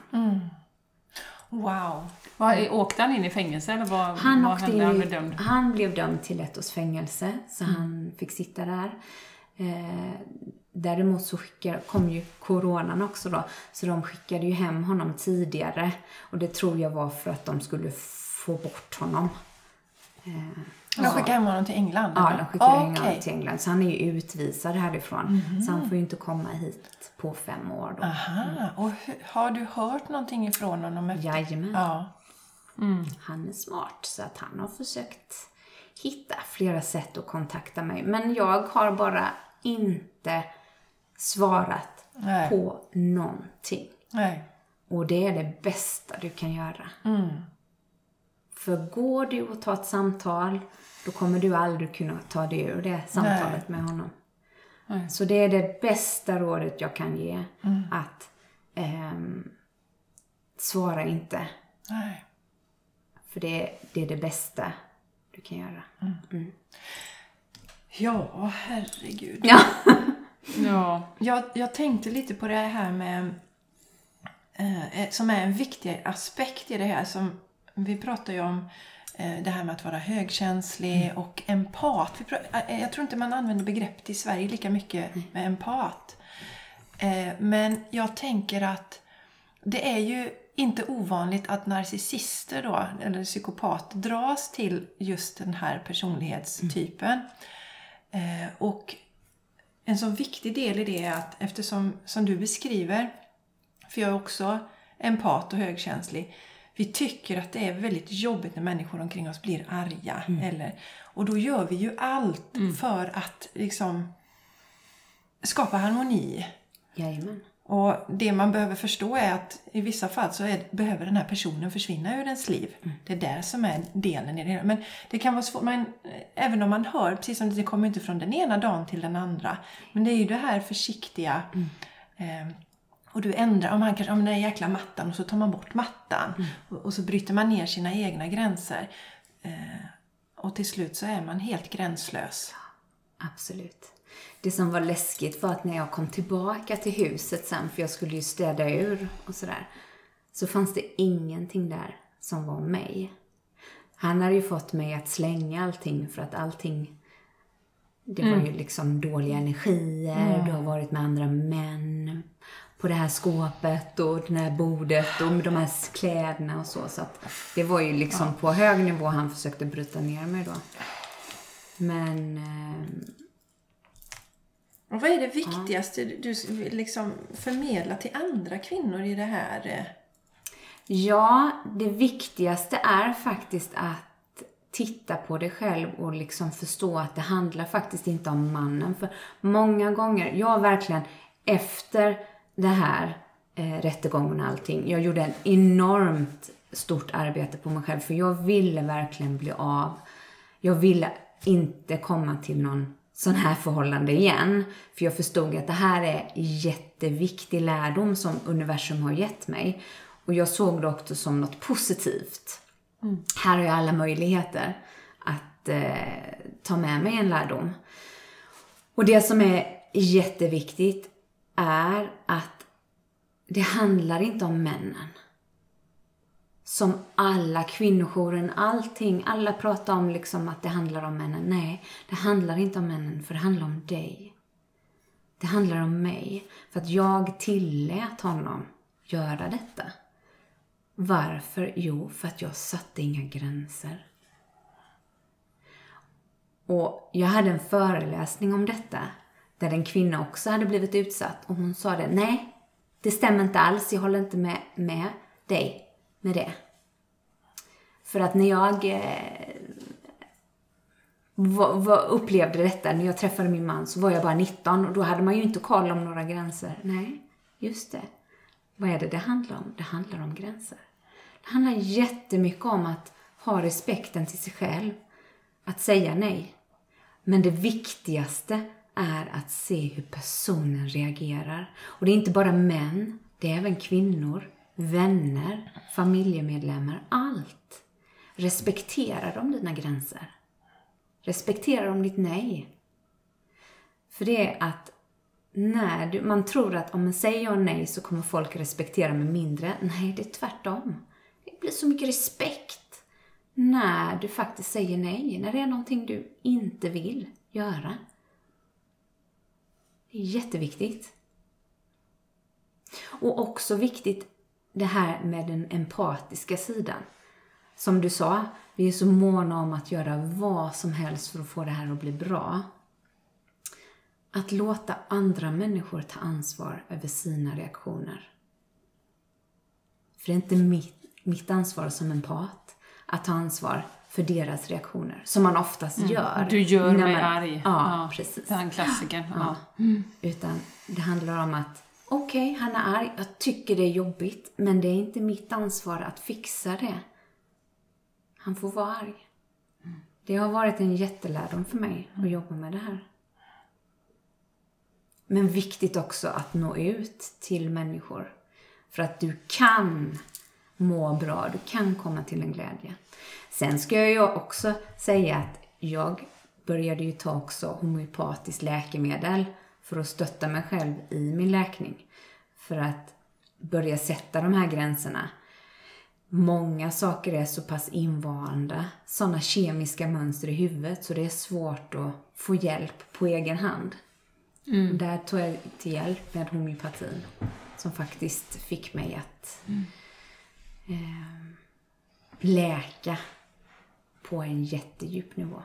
Vad intressant. Så det finns eh, homeopatmedel som hjälper en även med mentala bitar. Absolut, det är det som är grejen. Och det är därför jag, jag känner så enormt starkt för den psykiska delen som många inte tror att man kan få hjälp med, med homeopati.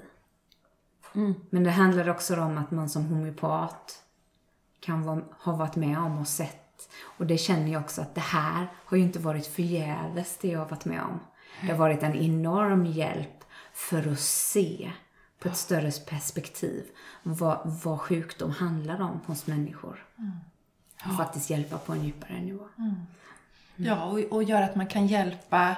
Det är vår förhoppning här om det någon som lyssnar på podden och känner, kanske känner igen sig i de tidiga mönstren där. Att oj då, shit, nej just det, jag sätter ju inte gränser här nu. Precis. Och om man nu känner detta. Okej, det här är ju jag i, bör- i den tidiga relationen. Om man lyssnar nu på det här. Vad är ditt råd att man gör då? Om man inte riktigt klarar, men jag vågar inte sätta gränsen riktigt. Vad, vad kan man göra då i det skedet? Är du med på hur jag menar? Ja, ja, man. Mm. känner igen sig, men man är inte riktigt där ännu. Man kan inte sätta gränser. För att slippa gå hela vägen till det där. Jag skulle nog... Alltså det är jättesvårt att ta ur...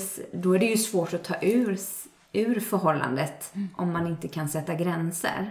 Så. Men jag skulle rekommendera att man faktiskt stöttar sig själv med en alternativ behandling.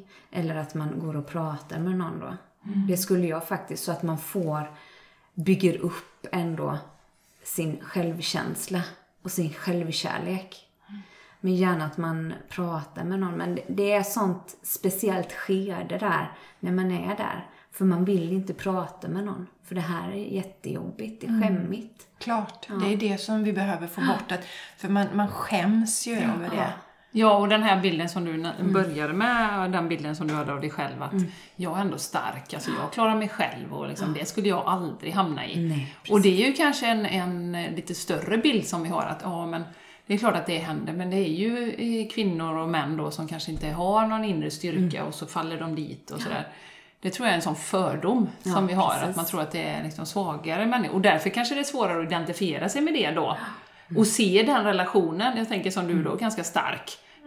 Innan tänker jag, jag ska aldrig liksom ramla dit. Och då kanske det är ännu svårare att se det. Fast det är klart jag inte är i en sån relation. Nej, ja, exakt. ja, han blir lite arg. Man eller han, det. Ja, ja, nej men det, herregud liksom. Det kanske är ännu svårare då, när man faktiskt har den bilden av sig att jag är ganska stark och självständig och skulle aldrig ramla dit. Nej. Så. Nej, vi har ju en, en kvinna som vi inspirerats mycket av, Mm. Jenny och jag, som heter Julie Pyatt. Vi har varit på hennes retreat. Mm. Och eh, hon var ju också i en misshandelsrelation i sin ungdom. Ja, just det. Och träffar man henne idag så kan man inte överhuvudtaget föreställa sig att hon har varit med om någonting sådant. Så att det, det är jätteviktigt. Man är inte en svag eller en dålig person för att man eh, hamnar i något sånt här. Men våga sträcka ut handen, ta hjälp av någon. Och, och är det så att man är i Göteborgstrakten så kanske vi kan rekommendera att man faktiskt går till dig. För Absolut. då förstår du ju detta till 100% och kan hjälpa Absolut. till då.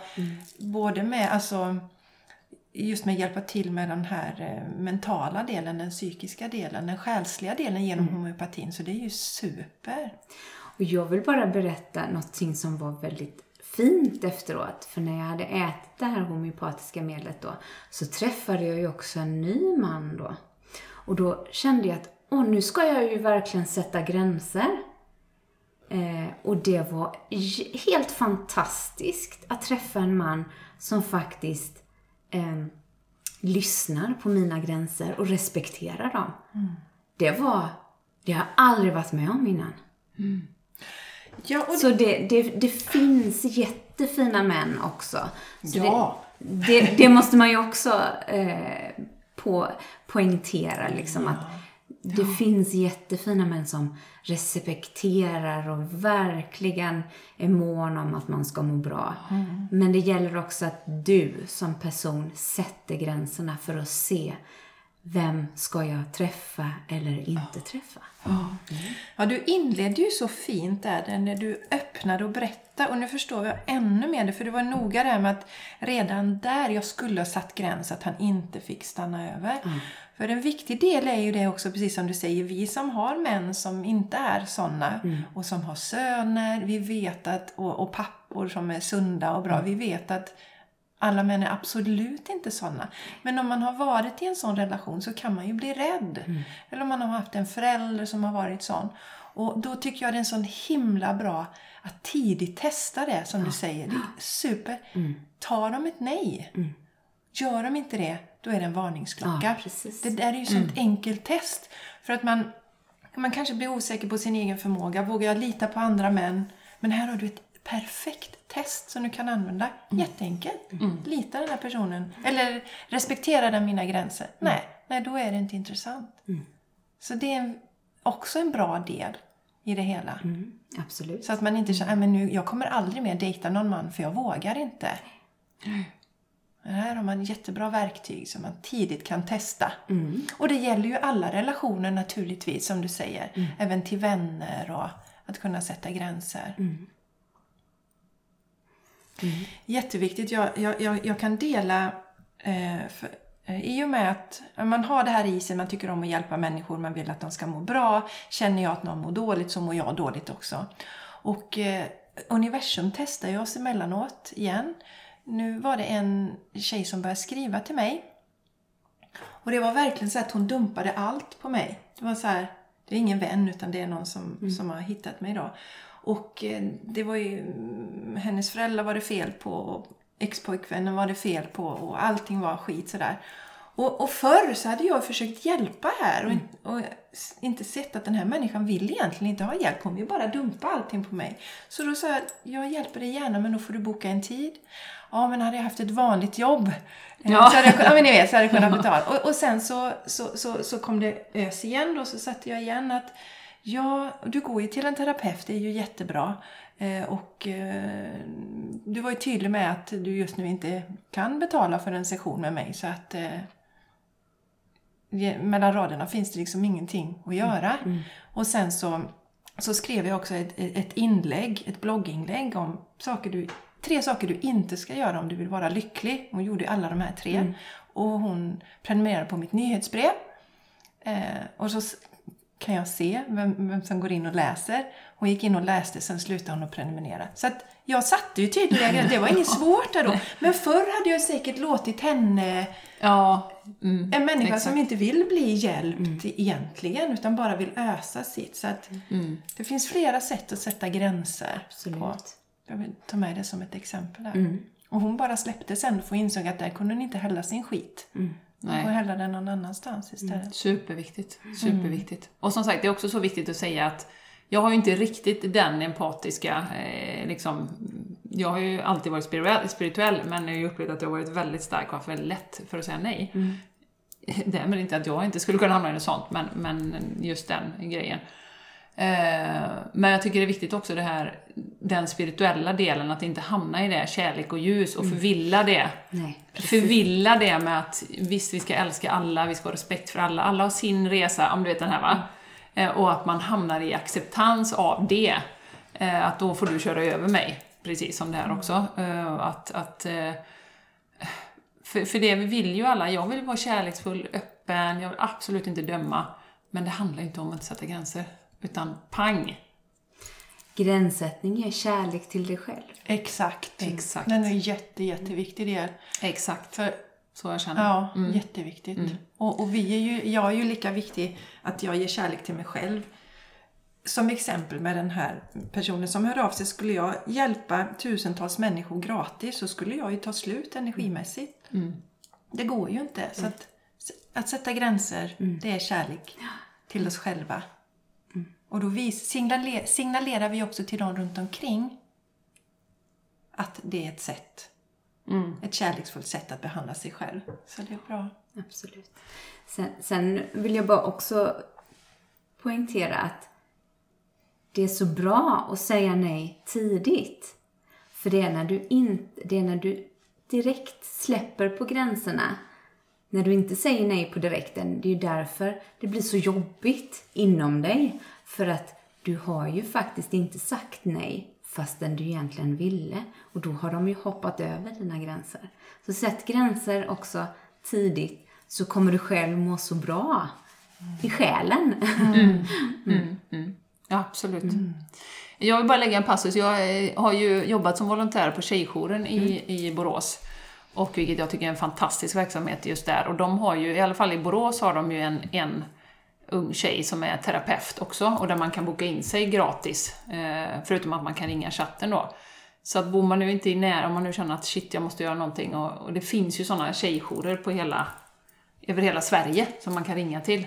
Och som i alla fall min upplevelse är, är väldigt bra. Att bara få prata, för jag kan tänka mig att ibland så är man så här, eh, eller det vet jag, ibland blir det ju så att man tvivlar på sig själv. Är det jag som är dum i huvudet? Mm. Liksom, jag är inte värd det här. Eller jag, jag är inget värd och liksom alla de här sakerna. Och det kan vara så skönt att prata om någon helt utomstående, som inte känner en alls. Eh, också, och reda ut begreppen. Är, är det okej okay, liksom, att han säger si eller hon säger si och så? Och kör över mig så här. Är, är det okej okay, eller är det jag som är dum? Och få bara liksom få, få, få ur sig det. Mm. Så där vill också, om man nu inte bor i närheten av Melinda eh, här i Göteborg, och, så finns det ju tjejjourer Ja, precis. Och är det bara att googla på ja, det eller? Det är det. Ja, ja, det kommer man. Ja. Men det är en viktig del för att när man kommer till det där som, som du berättar Melinda, när du är liksom mitt i det här. Mm. När du, dina gränser är helt nedbrutna. Och då kan du ju inte ens saker som är helt logiskt för någon annan person som inte har kommit dit. Man kan inte ens se det. Mm. Är, är detta okej? Okay? Är det verkligen okej okay att jag ska betala för hans träning och de delarna? Så det är viktigt det du säger Jenny. Prata med någon då, någon utomstående. Mm. Så kommer de hjälpa dig att få kunna se verkligheten som den ska vara igen. För man tappar ju helt det till slut. Mm. I och med att du inte längre litar på din intuition, du tror inte alls på dig själv. Du har brutit ner allt det inom dig. Jag tycker det är viktigt att säga också, för man, man hjälper ju till att bryta ner det. Och, och, det är ju inte för att skuldbelägga utan också veta att det är precis som du säger, det handlar om oss själva. Vi kan, det är vi själva som kan sätta stopp. Det är ingen annan som kan sätta stopp åt oss. Mm. Nej, för det är också väldigt lätt att vilja att någon annan gör jobbet. Mm. Eh, och man vill inte göra jobbet själv. Och därför är det så viktigt också i det här att du måste ju också ta beslutet mm. att nu är det nog. För det kan ingen annan göra. För det kan vara så att man kan ju prata med hur många människor som helst och få hjälp av kvinnojourer och allting. Men du måste ju ta beslutet själv och lämna. Absolut. Det är ju ingen annan som kan göra det åt dig. Nej. Men just vet att när man väl har tagit beslutet så finns det massa hjälp att få. Precis Absolut. som du beskrev mm. här. Då är det som att när man kliver in i den kraften så är det som att universum svarar upp. Okej, nu! Nu är hon redo mm. för att lämna. Men då hjälper vi till. Mm. Ja. ja, det finns ju massa, massa att prata om och vi är... Ja, det var en, en, en historia som går på djupet. Verkligen. Känner mig lite urlakad här nu, tagen så. Men vi är så glada att du är med, har varit med idag Melinda, för vi vill ju verkligen sprida och, och vår förhoppning är ju att, att folk får inspiration och att man ser att det inte är omöjligt om man nu sitter där. Mm. Och även, det har vi inte berört så mycket, men lite som dina grannar sa där, ja vi har hört. Mm. Om man nu skulle vara i situationen att man eh, man hör. Vad, vad, skulle du säga att liksom, du hör att någon blir illa behandlad eller slagen eller någon mm. skriker på någon? Vad, vad, tycker du man ska göra om man är... Jag tycker att man faktiskt ska ringa polisen. Faktiskt. Eh, för att man vet inte eh, vad som händer där uppe. Det kan vara så att man blir ihjälslagen. Eh, mm. För man ja. hör inte allting. Nej. Mm. Men det är ju jättebra, för det är inte säkert man vågar gå dit. Man kanske är rädd och vill Nej. inte. Men Nej. ringa polisen. Gå inte dit Nej. skulle inte jag rekommendera. Nej. Utan ring polisen. Mm. Då, då vet de inte om att det är du som har ringt. Just och det. du kan vara trygg i liksom att det är någon annan som kommer och, och, och förhoppningsvis um, Mm. Sätter bollarna i rullning. Liksom, ja, jag tycker mm. att det är jättebra. Det var Charlie, eh, våran son, han kan vara temperamentsfull ibland. Och han var så jättearg på sin pappa. Mm. För att pappan eldade upp gräset. Alltså han gick med en sån brännare. För han tycker att det är synd om gräset. Mm. Ja, och det kan ligga små djur och sånt som börjar brinna. Så han var så arg på sin pappa. Så han gick här. Och vi kände, ja men han får ju gärna leva ut den här ilskan lite. Och så kom ju en granne hon var hur är det med Charlie egentligen? Och jag tycker att det var så himla bra. För hon var gärna kolla, det är inte så att vi slår ihjäl vårat barn. Nej, det är att han är så arg på sin pappa för att han bränner gräs. så i, i det fallet, men att våga och man kanske när man hör att någon blir misshandlad, ring polisen då. Gör de här grejerna. Ja, det är ju bättre att ringa en gång för mycket. Ja. Alltså så kan man ju säga. Det är det jag som menar. du säger. Eh, Den där kvinnan i Kungsbacka som liksom, hade någon hört det, hade någon ringt så Mm. kanske hon hade levt. Ja, precis. Superbra. Och jag vill till dig som lyssnar här. Har du inte delat avsnitt innan så gör det nu. Sprid, Ja, sprid detta. Det här är jätte, jätteviktig information. Sprid det. För det är ju en del också i det hela att, som du säger, man oftast ingår ju i, den, i mönstret för en sån här relation. Det är ju att man eh, bryter kontakten med sina vänner, sin familj. Så man är helt ensam. Så folk har inte riktigt koll på vad som händer. Nej, nej. Så sprid den här till så många. Så man kan vi kan hjälpa varandra, vi kan se de här mönstren. Mm. Mm. Ha, eh, Melinda, om man då eh, vill komma i kontakt med dig, var hittar man dig någonstans? Ja, jag har ju hemsida. Ja. www.helandekällan.com eh, Och jag finns i Göteborg då, Sten Sturegatan 36.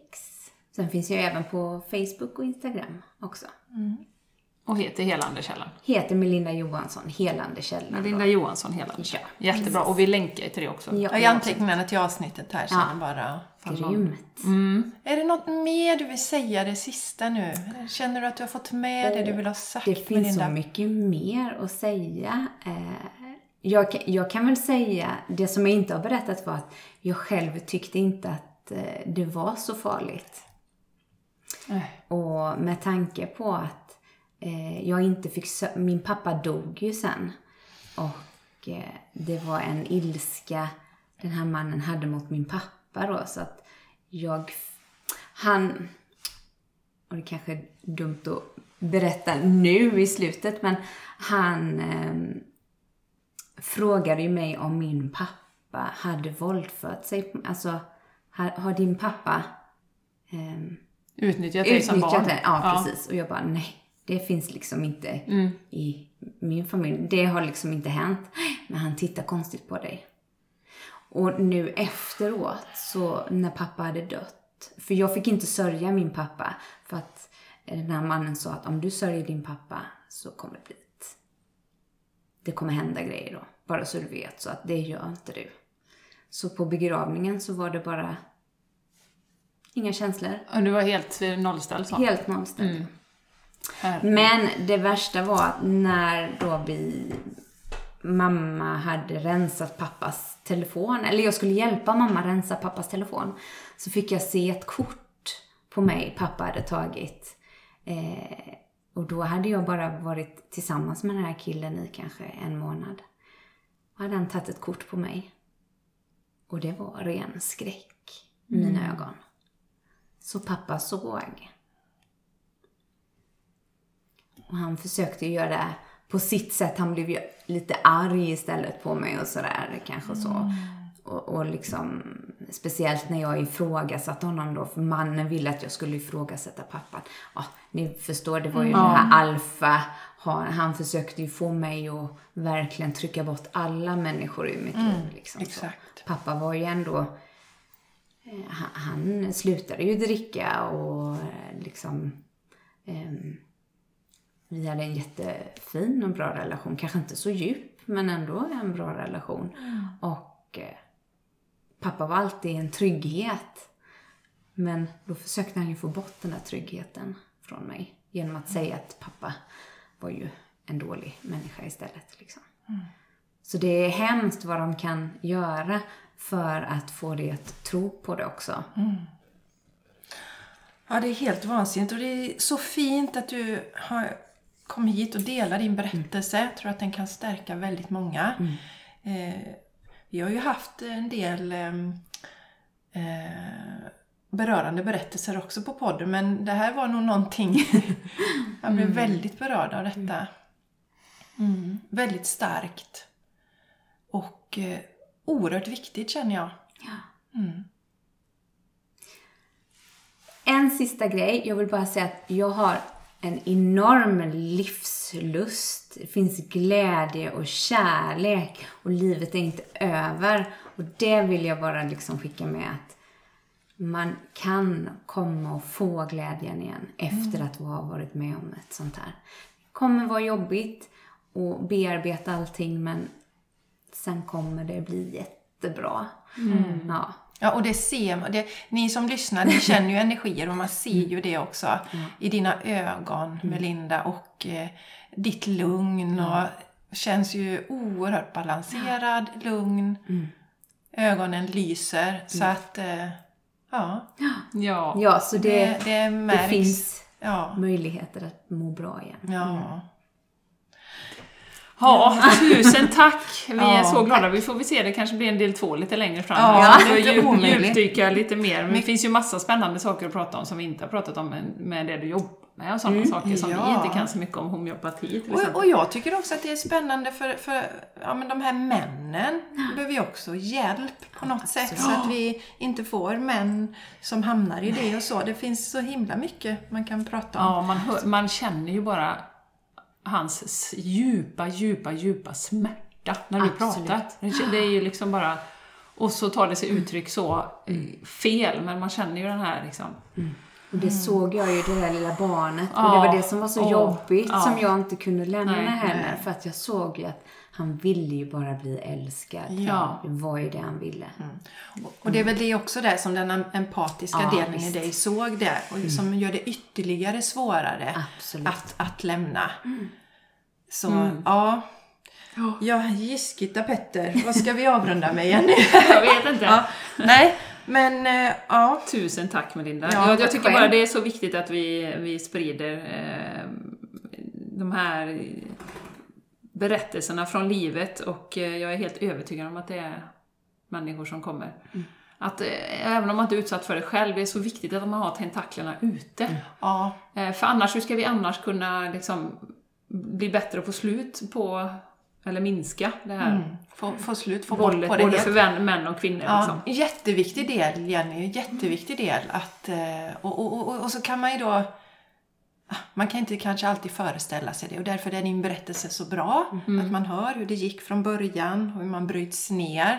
Viktigt att känna till. Man har tentaklerna ute, hjälpas åt. Mm. Och dela avsnittet. Dela detta avsnittet. Dela, dela, dela. Och eh, skriv gärna till oss. Eh, om ni inte vill skriva någonting på, eh, på Instagram så kan ni skicka mejl till oss. thegamechangerspodcast.gmail.com mm. Ja, varmt tack. Vi är uppe i en, en timme och 40 minuter. Det är nästan som Jonas Kolting. ja, ja, ja, Oj, oj, oj. Ja. men det är härligt. Tusen tack att jag fick komma. Ja. Ja, vi är så glada för det. Mm, varmt tack. Och tack till Susanne som tipsade Ja, om tack, detta. Ja! Ja, fantastiskt Susanne. Så wow. Ja, alltså det finns ju inget klatschigt man kan säga om, utan Nej, det... vi tackar för att ni är med och för att ni hjälper oss att sprida och eh, önskar er en fantastisk dag. Mm, Mm. Tack Melinda. Tack. tack. Mm. Hej då. Hej då! Yeah.